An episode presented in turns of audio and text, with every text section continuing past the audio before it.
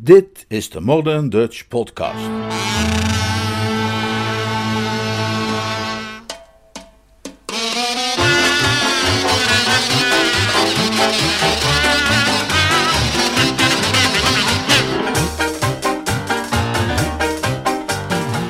Geluk in de morgen. Een splinternieuwe vertaling van Joy in the Morning. Een Jeeves-roman van P.G. Woodhouse. Vertaald en voorgelezen door Leonard Beuger.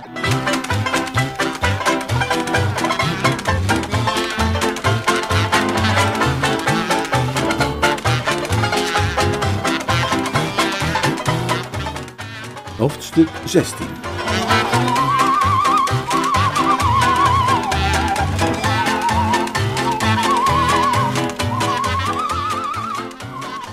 Boko oogde ingetogen en gelouterd alsof zijn ziel eens flink door de wringer was gehaald. Hij had de onmiskenbare uitstraling van een man die zojuist stevig de mantel is uitgeveegd door het meisje van zijn dromen en die zijn verplette levensfuncties nog niet heeft weten te herstellen. Uh, hallo Bertie, zei hij met een soort vroom, gedempt stemgeluid. Pip, pip, Boko. Wat een nacht.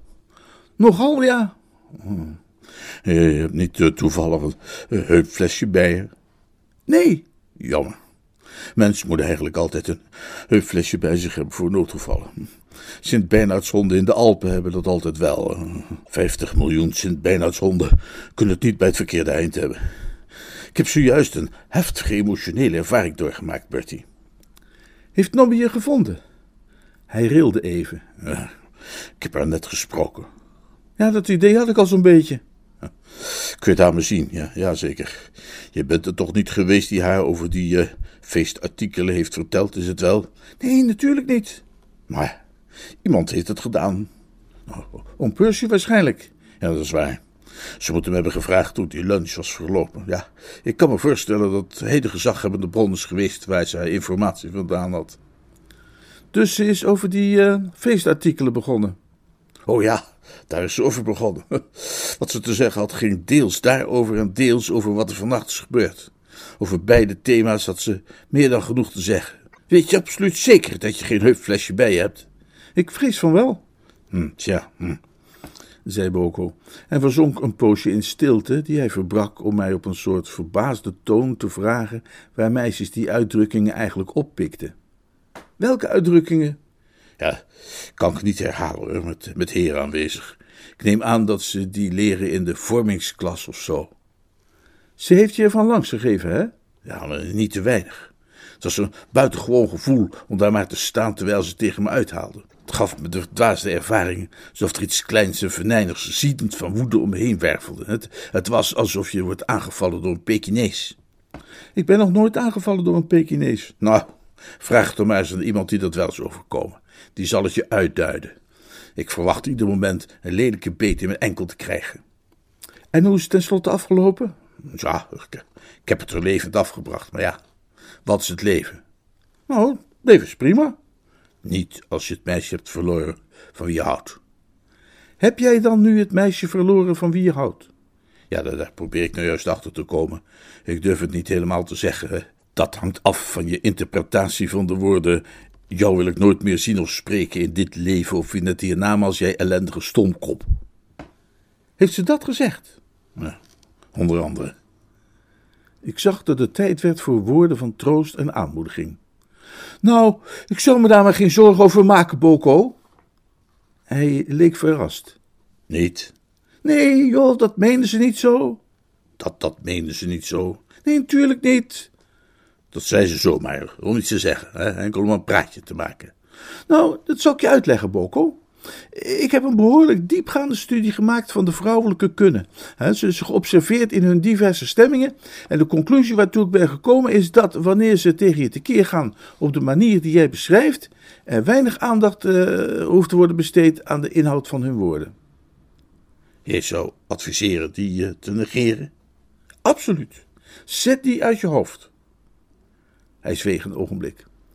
Toen hij weer wat zei, was het op een hoopvolle toon. Ja, er is, er is één ding natuurlijk. Hè. Ze heeft wel echt van me gehouden. Zelfs zo recent nog als vanmiddag. Heel veel, zei ze. Dat moet je wel bedenken natuurlijk. Nou, dat doet ze nog steeds hoor. Dat idee eh, heb jij dus wel. Natuurlijk. Ondanks dat ze mij een ellendige stomkop heeft genoemd. Jawel, jij bent ook een ellendige stomkop. Ja, dat is waar. Je kunt niet afgaan op wat een meisje zegt als ze je op je falie geeft omdat je iets geschrifts hebt gedaan. Het is net Shakespeare. Het klinkt goed, maar het betekent niet echt iets. Dus uh, jij denkt dat ze haar oude gevoelens voor mij nog altijd koestert? Absoluut. Schiet op, man. Als ze van je kon houden, ondanks die grijze voddenbroek van jou, dan is het niet waarschijnlijk dat alleen een stommiteitje van jou daar een einde aan heeft gemaakt. De ware liefde is onverwoestbaar. Haar heilige vlam brandt voor eeuwig. Wie heeft je dat verteld? Jeeves. Hm, die zou het moeten weten. Hij doet hij ook. Op Jeeves kun je rekenen. Ja, dat klopt. Zo, zo is het toch, hè? Ja, ja, ja, toch? Je bent de ware troost, Bertie. Dat is mijn streven, Boko. Ja, je, je geeft me hoop, hè? Je beurt mij op uit een ruisende kuil. Hij was flink opgeknapt. Hij rechtte niet echt zijn schouders en stak niet zijn kin vooruit, maar zijn moreel was duidelijk verstevigd. Ik heb het idee dat hij binnen een paar minuten zelfs bijna vrolijk zou zijn geworden, als er op dat moment niet een vrouwelijke stem de nachtlucht had opengesneden met zijn naam. Boko! Hij trilde als een hele esp. Uh, ja, lieveling. Kom hier, ik wil dat je hier komt. Ik kom eraan, lieveling. Oh mijn god, hoorde ik hem fluisteren. Een toegift. Hij wankelde derwaarts en liet mij achter, peinzend over het verloop der dingen. Ik kan meteen wel zeggen dat ik mij over de situatie geen zorgen maakte. Voor Boko, die feitelijk tegenover die felle meid in de ring had gestaan terwijl ze in alle richtingen ontplofte, had het natuurlijk geleken of het einde van de wereld was gekomen en de dag des oordeels met ongewone strengheid en aanvang nam. Maar voor mij als kalme, nuchtere toeschouwer was het allemaal niet zoveel bijzonders. Ik haalde er de schouders bij op en zag het als wat het was. Pure flauwekul namelijk. De zijdebanden der liefde worden niet verbroken, alleen maar omdat de vrouwelijke helft van het duo zich stoort aan het geschifte gedrag van de mannelijke partner en hem op zijn vestje gaat spugen in een reeks gepassioneerde toespraken.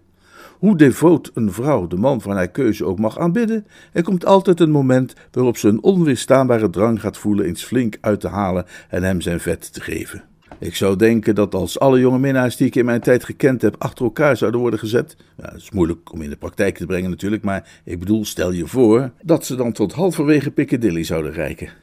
En ik kon er niet één van bedenken die niet ook wel eens had meegemaakt wat Boko vannacht was overkomen. Volgens mij was waarschijnlijk op dit moment de tweede fase al ingetreden, waarin het vrouwelijke tortelduifje uithuilt aan de borst van het mannelijke tortelduifje en zegt dat het haar spijt dat ze zo lelijk heeft gedaan. En dat mijn vermoeden juist was, werd bewezen door Boko's houding toen hij zich een paar minuten later weer bij mij voegde. Zelfs in het schemerige licht dat er heerste, kon je zien dat hij zich voelde als Adam in het paradijs. Hij liep als op wolken en zijn hele ziel was zichtbaar uitgedijd als een badspons die in het water wordt gelegd. Bertie. Hallo? Ben je daar nog? B. Woester meldt zich. Het is weer in orde, Bertie. Ze houdt nog steeds van je? Ja. Mooi. Ze huilde aan mijn borst. Heel goed. En ze zei dat ter speet dat ze zo lelijk had gedaan. Ik zei, kom, kom, en alles was weer koekenij. Fantastisch. Ik voelde me geweldig. Nou, dat geloof ik graag. De woorden ellendige stomkop trok ze in. Mooi zo. Ze zei dat ik de boom was waaraan de vrucht haars levens hing. Nou, nou. En kennelijk was het allemaal een vergissing geweest toen ze zei dat ze me nooit meer wilde zien of spreken in dit leven of in het hiernamaals. Want dat wil ze wel, heel vaak juist. Geweldig. Ik drukte haar tegen me aan en kuste haar als een dolle. Nou, dat wil ik wel geloven. Jeeves, die, die erbij was, was echt geroerd. Oh, was Jeeves daar? Nobby en hij hadden juist plannetjes gemaakt en een tactiek besproken. Voor het uh, lijmen van Oom Percy? Ja, dat moet natuurlijk nog wel gebeuren. Ik keek moeilijk. In dat licht natuurlijk niet heel effectief. Het wordt wel heel lastig. Wel, nee. Sinds jij hem niet alleen hebt aangesproken met mijn beste Worpleston, maar hem ook niet goed snik hebt genoemd. Wel, nee, Bertie, wel, nee. Jeeves is met een van zijn vruchtbare ideeën gekomen. Oh ja? man. Ah, ja. Ik zeg het zo vaak. Er is niemand zoals Jeeves. Nou, dat mag je inderdaad wel zeggen. Is je wel eens opgevallen hoe zijn hoofd aan de achterkant uitsteekt? Ja, vaak. Daar zitten de hersenen in, hè? Weggestouwd achter de oren. Precies. Maar uh, wat was dat idee van hem? Nou, in, in het kort het volgende. Hij denkt dat het een uitstekende indruk zou maken en mij in staat zou stellen het verloren terrein terug te winnen als ik op zou komen voor de oude Worpelston. Voor, voor, voor, hem opkomen? Dat snap ik niet. In een toneelstuk of wat? Nee, nee, nee, niet voor hem opkomen, maar voor hem opkomen. Oh, voor hem opkomen. Precies, voor hem opkomen. Hè? Hem verdedigen, zeg maar. Met, met andere woorden, hij raadt me aan om partij te trekken voor die oude heer. Hem, hem, hem te beschermen, als het ware. Om Percy beschermen? Ja, ja, ik snap dat het bizar klinkt, maar volgens Jeeves gaat werken. Nou, ik snap het nog steeds niet hoor, eigenlijk. Nou, in principe is het heel eenvoudig. Kijk, stel je voor dat een of andere grofgebekte lomprik van een kerel morgen om tien uur precies hè, de studeerkamer van de oude Worpelston binnenkomt stormen en hem begint uit te maken voor van alles en nog wat hè, en verder ook heel vervelend gaat lopen doen. Ik sta buiten bij het raam van de studeerkamer te wachten en op het psychologisch juiste moment steek ik mijn hoofd naar binnen hè, en op kalme, berispende toon zeg ik, stop Bertie. Bertie? Ja, die kerel heet Bertie. Maar val me nu even niet in de reden, hè? Dan, dan raak ik de draad kwijt. Ik steek dus mijn hoofd naar binnen hè? en ik zeg: Stop, Bertie, je misdraagt je buitengewoon.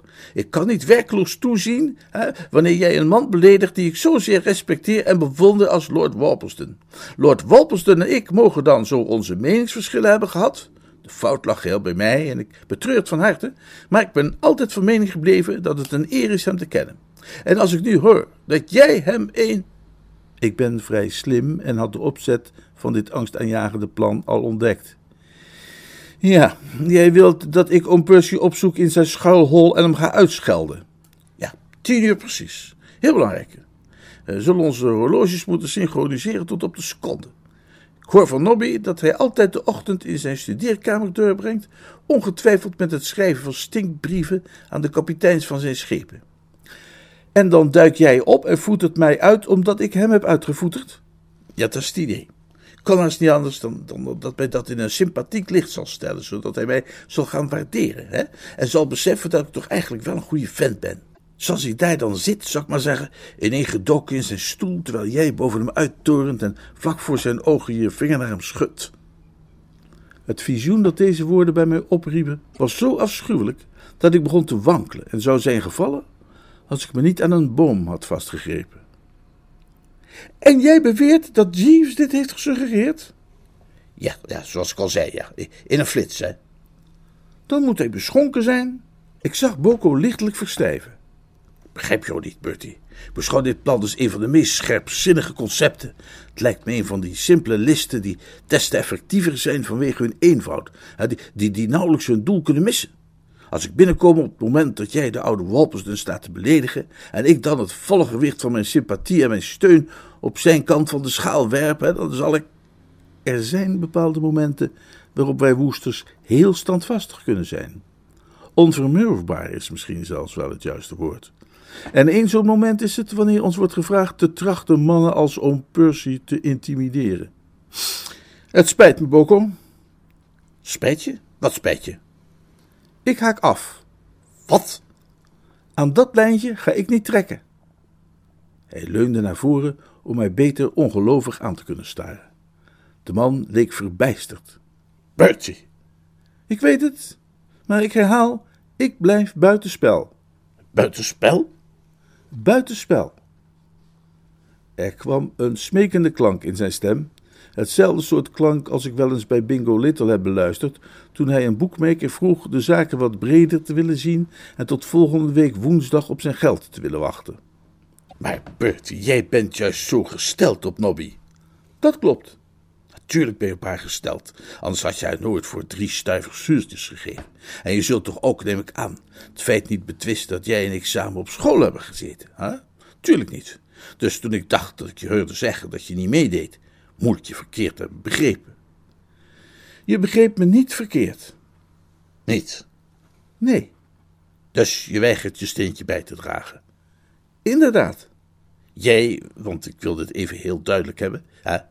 jij weigert dus serieus je rol, heel simpel eenvoudige rol, in dit opzetje te spelen. Correct. Het is toch Bertie Woester die ik hier hoor spreken. Inderdaad. De Bertie Woester met wie ik op school heb gezeten. Dat klopt. Hij ademde in met een soort fluitend geluid.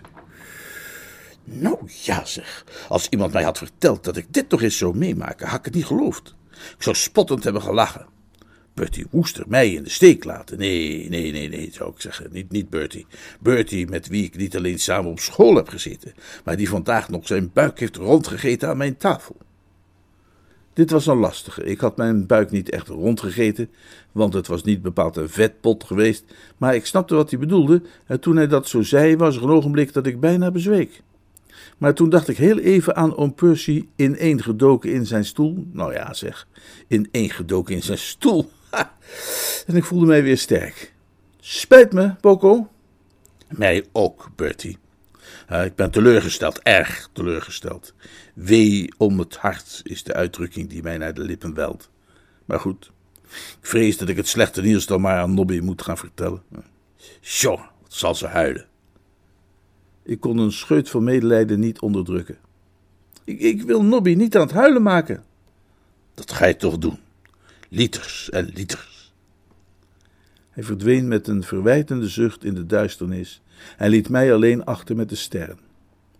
Ik stond die juist te bestuderen en me af te vragen wat Jeeves het idee kon hebben gegeven dat ze neurienden voor het aangezicht der cherubijnen. Ik kon zelf niet de geringste aanwijzing vinden voor zoiets. Toen ze plotseling samensmolten als de voorgenomen fusie van oom Percy en J. Chichester Clem tot één flakkerende vlam. Dat kwam omdat een verborgen hand, die onopgemerkt tot vlak achter mij was geslopen, mij een ongelooflijke dreun had gegeven met wat ik veronderstelde een stomp voorwerp te zijn. Dat was pal op mijn kruin terechtgekomen en deed mij op de grond neerzijgen met een vinnig auw.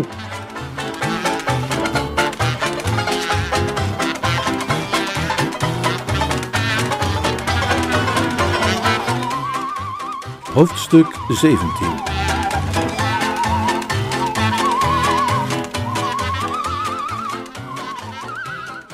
Ik ging rechtop zitten, wreef over mijn achterhoofd en hoorde een piepende stem in mijn oor jengelen. Het was die kleine bliksemse Edwin, die me ofwel bezorgd, ofwel tevreden glunderend over wat hij had aangericht aankeek. Ik kon niet goed onderscheiden welke van de twee. Sjoe, zei hij. Ben jij dat, Betty? Ja, en- en of ik dat ben, antwoordde ik met een onder de omstandigheden niet zonderling vleugje venijn in mijn stem. Ik bedoel, het leven is al moeilijk genoeg zonder dat je om de andere minuten door padvinders op je kop wordt geslagen. En ik was woedend. Wat moet dat? Wat is hier de bedoeling van, jij walgelijke kleine snuitkever, mij met een enorme knuppel op mijn hoofd te slaan? Dat was geen knuppel. Dat was mijn verkennerstok. Een soort hockeystick. Heel handig. Ja, komt altijd goed van pas, hè? Nou, zeker. Deed het pijn? Beschouw het als een officiële verklaring als ik zeg dat het gruwelijk pijn deed. Zo, spijt me. Ik dacht dat jij die inbreker was. Er sluipte een rond hier op het terrein. Ik hoorde hem scharrelen onder mijn raam. Ik zei, wie is daar? En toen ging hij er onder vreselijk gevloek vandoor. Ik moet zeggen dat ik vanavond niet veel geluk heb gehad. De vorige die ik voor die inbreker aanzag, bleek mijn vader te zijn. Je vader? Ja, hoe kon ik nou weten dat hij het was? Ik had nooit gedacht dat hij midden in de nacht door de tuin zou gaan lopen dwalen. Ik zag een schimmige vorm neerhurken, alsof hij zich voorbereidde op een sprong. Ja, dus ik kroop achter hem aan en... eh. Je hebt hem toch geen schop gegeven? Jawel, nogal een sappige. Ik moet zeggen dat mijn hart een sprongetje maakte, zoals Jeeves me zegt dat het zijne doet als hij een regenboog aan de hemel ziet. De gedachte dat oom Percy een trap tegen zijn krent had moeten verwerken was behoorlijk stimulerend. Die had hij al jaren te goed. Ik kreeg dat merkwaardige gevoel van ontzag over me dat je soms krijgt als je van dichtbij de werking ervaart van de voorzienigheid. En je beseft dat niets op deze wereld is geschapen zonder doel. Zelfs een Edwin niet. En dat ook de allerlaagste schepsels hun nut hebben. Hij deed er nog oneindig over. Het had hem uh, geïrriteerd, hè? Hij wilde me een pak slaag geven, maar Florence was erop tegen. Vader, zei ze, u moet die jongen met rust laten. Het was een zuiver misverstand. Florence is erg op mij gesteld. Ik trok mijn wenkbrauwen op. Zij was een meisje, had ik het gevoel, met een vreemde, zelfs nogal morbide smaak. Dus, toen heeft hij me alleen maar naar bed gestuurd. En waarom lig je daar dan niet in? In bed? Soe, weinig kans. Hoe gaat het met je hoofd? Beroerd. Doet dat pijn? Ja, natuurlijk doet het pijn. Heb je een bult? Ja, allicht. Nou, dan kan ik je eerste hulp verlenen. Nee, dat kan je niet. Wil je geen eerste hulp? Nee, absoluut niet. We hebben het hier alles uitgebreid over gehad, kleine Edwin. Je kent mijn standpunt. Er is nooit iemand die, die, eerste hulp van mij wil, zei hij sipjes. En wat je nodig hebt, is veel oefening. wat doe je eigenlijk hier, Bertie? Iedereen vraagt me wat ik hier doe, antwoordde ik lichtelijk gepikeerd. Waarom zou ik hier niet zijn? Met deze plek ben ik verbonden door banden des bloeds. Hè? En als je het echt wilt weten, ik ben hier omdat ik een wandelingetje na het eten wilde maken met Boko Fittleworth. Ik heb Boko niet gezien. Nou, is een gelukje voor hem. Dasje Cheesewright is hier wel. Ja, dat weet ik. Ik heb hem gebeld toen ik de inbreker had gezien. Ja, dat weet ik. En wist je ook dat hij verloofd is met Florence? Ja. Ik weet alleen niet zeker of het niet alweer uit is. Ze hadden er net verschrikkelijk ruzie. Hij zei het luchtigjes, gooide die mededeling eruit alsof het een bericht was van gering belang en was waarschijnlijk verrast door de bezorgde manier waarop ik reageerde. Wat? Ja. Een, een verschrikkelijke ruzie? Ja. Waarover? Dat weet ik niet. En als jij zegt een verschrikkelijke ruzie, hoe verschrikkelijk bedoel je dan? Nou, behoorlijk verschrikkelijk. Harde woorden? Nogal hard, ja. Mijn hart, dat daarnet was opgesprongen, als beschreven in mijn aperçu over de krent van Oom Percy, was nu weer helemaal afgedaald tot in de kelder. Het hele streven van mijn sociaal beleid, zoals ik glashelder heb gemaakt, was om hartelijke betrekkingen tussen die twee gelieven te bevorderen. En de informatie dat ze wederzijds, al was het maar tamelijk harde woorden hadden geuit, was voldoende om mijn bloed te doen stollen. Ziet u, wat ik zei over Nobby, die eens flink uithaalde en de Pekinees speelde tegenover Boko, al dat gepraat dat u zich zult herinneren over meisjes die u geliefd eens flink gaan tergen, puur voor de lol en om de poriën open te houden, is niet van toepassing op serieuze vrouwen zoals Florence en kerels van het type Stilton. Dat is allemaal een kwestie van wat Jeeves het persoonlijk psychologisch profiel noemt. Als Florence en Stilton tegen elkaar in het krijt waren getreden en aan elkaar waren beginnen te knagen, waren de vooruitzichten gevaarlijk onbestendig. Hoeveel heb je gehoord van wat ze zeiden? Nou, niet zoveel. Want toen zag ik opeens iets bewegen in het donker en ben ik daar met mijn verkennisstok op afgegaan. Ja, dan bleek jij te zijn. Dit zorgde natuurlijk al voor een iets betere toekomstverwachting. Mijn eerste indruk was geweest dat hij tijdens het hele conflict op de eerste rang had gezeten. Als hij alleen de openingszet had bijgewoond, kon het vervolg misschien nog wel binnen de perken zijn gebleven. Misschien gingen na zijn vertrek minder verhitte ideeën toch prevaleren, zodat de strijdende partijen hadden ingebonden voordat een eventuele breuk onherstelbaar werd. Zo gaat het vaak bij meisjes en bij mannen met een heftig temperament. Ze beginnen met geraas en getier, maar naarmate hun betere zelf de overhand krijgt, gaan ze een toontje lager zingen.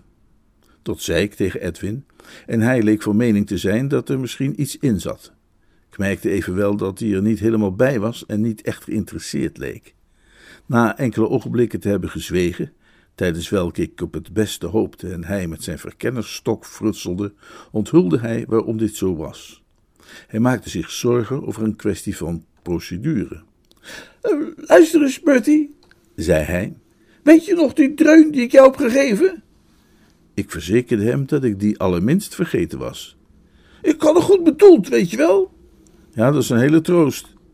Maar toch heb ik jou die wat je kou gegeven, nietwaar? En of? Dat valt niet te ontkennen. Nee. Dan is dit wat ik me afvraag. Heb ik daardoor mijn goede daad van vanmiddag teniet gedaan? Het opruimen van ons. Nee, ik vrees dat dat niet telde, want dat pakte niet zo goed uit. Ik bedoel dat ik die broche voor je gevonden heb. Hier moest ik even heel voorzichtig mee omzien te gaan. Ik wil maar zeggen dat de broche die hij had gevonden en de broche die Jeeves bij Florence had afgeleverd, werden verondersteld één en dezelfde broche te zijn, en hij mocht vooral niet uit mijn mond vernemen dat ik het vervloekte ding weer was kwijtgeraakt nadat hij het had gevonden. Oh, dat, zei ik. Ja, dat was een goede daad, eerste klas. Weet ik, weet ik. Maar denk je dat die nog steeds telt? Oh, ja, zeker. Ondanks dat ik je een druin heb verkocht. Zonder meer. Zo, nou, dan ben ik helemaal bij tot afgelopen donderdag. Je bedoelt tot afgelopen vrijdag? Donderdag. Vrijdag. Donderdag. Vrijdag, jij holhoofdige kleine discalculant, zei ik enigszins verhit, want zijn onvermogen om een beetje fatsoenlijk te tellen irriteerde me net zo als dat met zijn achten geval die dichter, ik ben zijn naam even vergeten, moet hebben geërgerd, die met dat andere kind in gesprek was geraakt. Luister. Je goede daad van afgelopen vrijdag zou het opruimen van ons huisje zijn geweest. Oké, maar vanwege het ongelukkige resultaat moet die van de lijst worden geschrapt. Mee eens, toch? Nou, dat maakt dus het vinden van die broche je goede daad van afgelopen vrijdag. Heel simpel, zolang je de grijze cellen maar een beetje gebruikt. Ja, maar je hebt het mis. Dat heb ik helemaal niet. Luister. Nee, ik bedoel, jij hebt het over de eerste keer dat ik die broche heb gevonden. Waar ik het over heb, is de tweede keer. Die telt ook mee. Ik kon hem niet volgen. Hoe bedoel je de tweede keer? Welke tweede keer? Je hebt hem geen twee keer gevonden. Ja, nee, dat heb ik wel. De eerste keer was toen jij hem in de hal had laten vallen, weet je nog wel? Nou, daarna ging ik de schoorsteen in de keuken schoonmaken. Toen was er die explosie. En ik kwam naar buiten en toen stond jij op het grasveld in je hemdsmouwen. Je had je jasje uitgetrokken en aan de kant gegooid. Oh mijn god. Met alle stress van dit en dat was ik die hele jasjescène vergeten. Het schoot me nu allemaal weer te binnen. En het was alsof een koude hand mijn hart omklemde. Ik voelde al aan waar dit heen ging. Ik denk dat hij uit je zak moet zijn gevallen, die broche. Want toen jij het huis binnenging, zag ik hem daar liggen. En ik dacht dat het wel een goede daad zou zijn, waar ik jouw problemen mee kon besparen, als ik hem naar Florence bracht. Ik staarde hem somber aan. Met de doffe blik is, geloof ik, de uitdrukking. De, dus je hebt hem naar Florence gebracht? Ja. En gezegd dat het een cadeau van mij was? Ja. En leek ze daar blij mee? Nou, lof, zo. Hij vertrok abrupt en zonder enige aankondiging, als een paling die in de modder verdwijnt, en ik werd gewaar dat er iemand naderde die zwaar ademde. Dat het joch impulsief wegdook in de schaduw had ik niet eens nodig om mij te vertellen dat deze ronkende nieuwkomer niemand minder was dan Florence.